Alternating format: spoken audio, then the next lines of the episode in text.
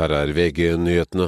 En person er siktet for grov kroppsskade etter en voldshendelse i Asker. Den siktede er kritisk skadd, mens fornærmede ifølge politiet ikke er kritisk skadd. Det skal være en relasjon mellom de involverte.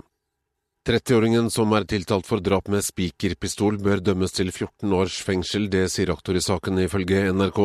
Begrunnelsen er at drapet var torturlignende og bar preg av en ren henrettelse. USAs president Joe Biden kalte Vladimir Putin en gal son of a bitch i går. Nå har svaret fra Kreml kommet.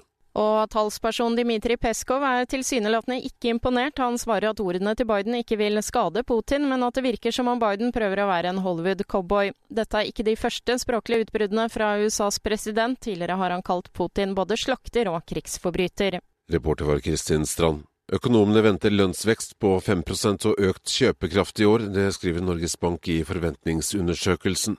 Den eh, tidligere Barcelona-bekken Dani Alves er dømt til fengsel i fire år og seks måneder, melder Reuters. En kvinne anklaget ham for seksuelle overgrep i desember i fjor. I studio Frode Sti, nyhetene får du alltid på VG.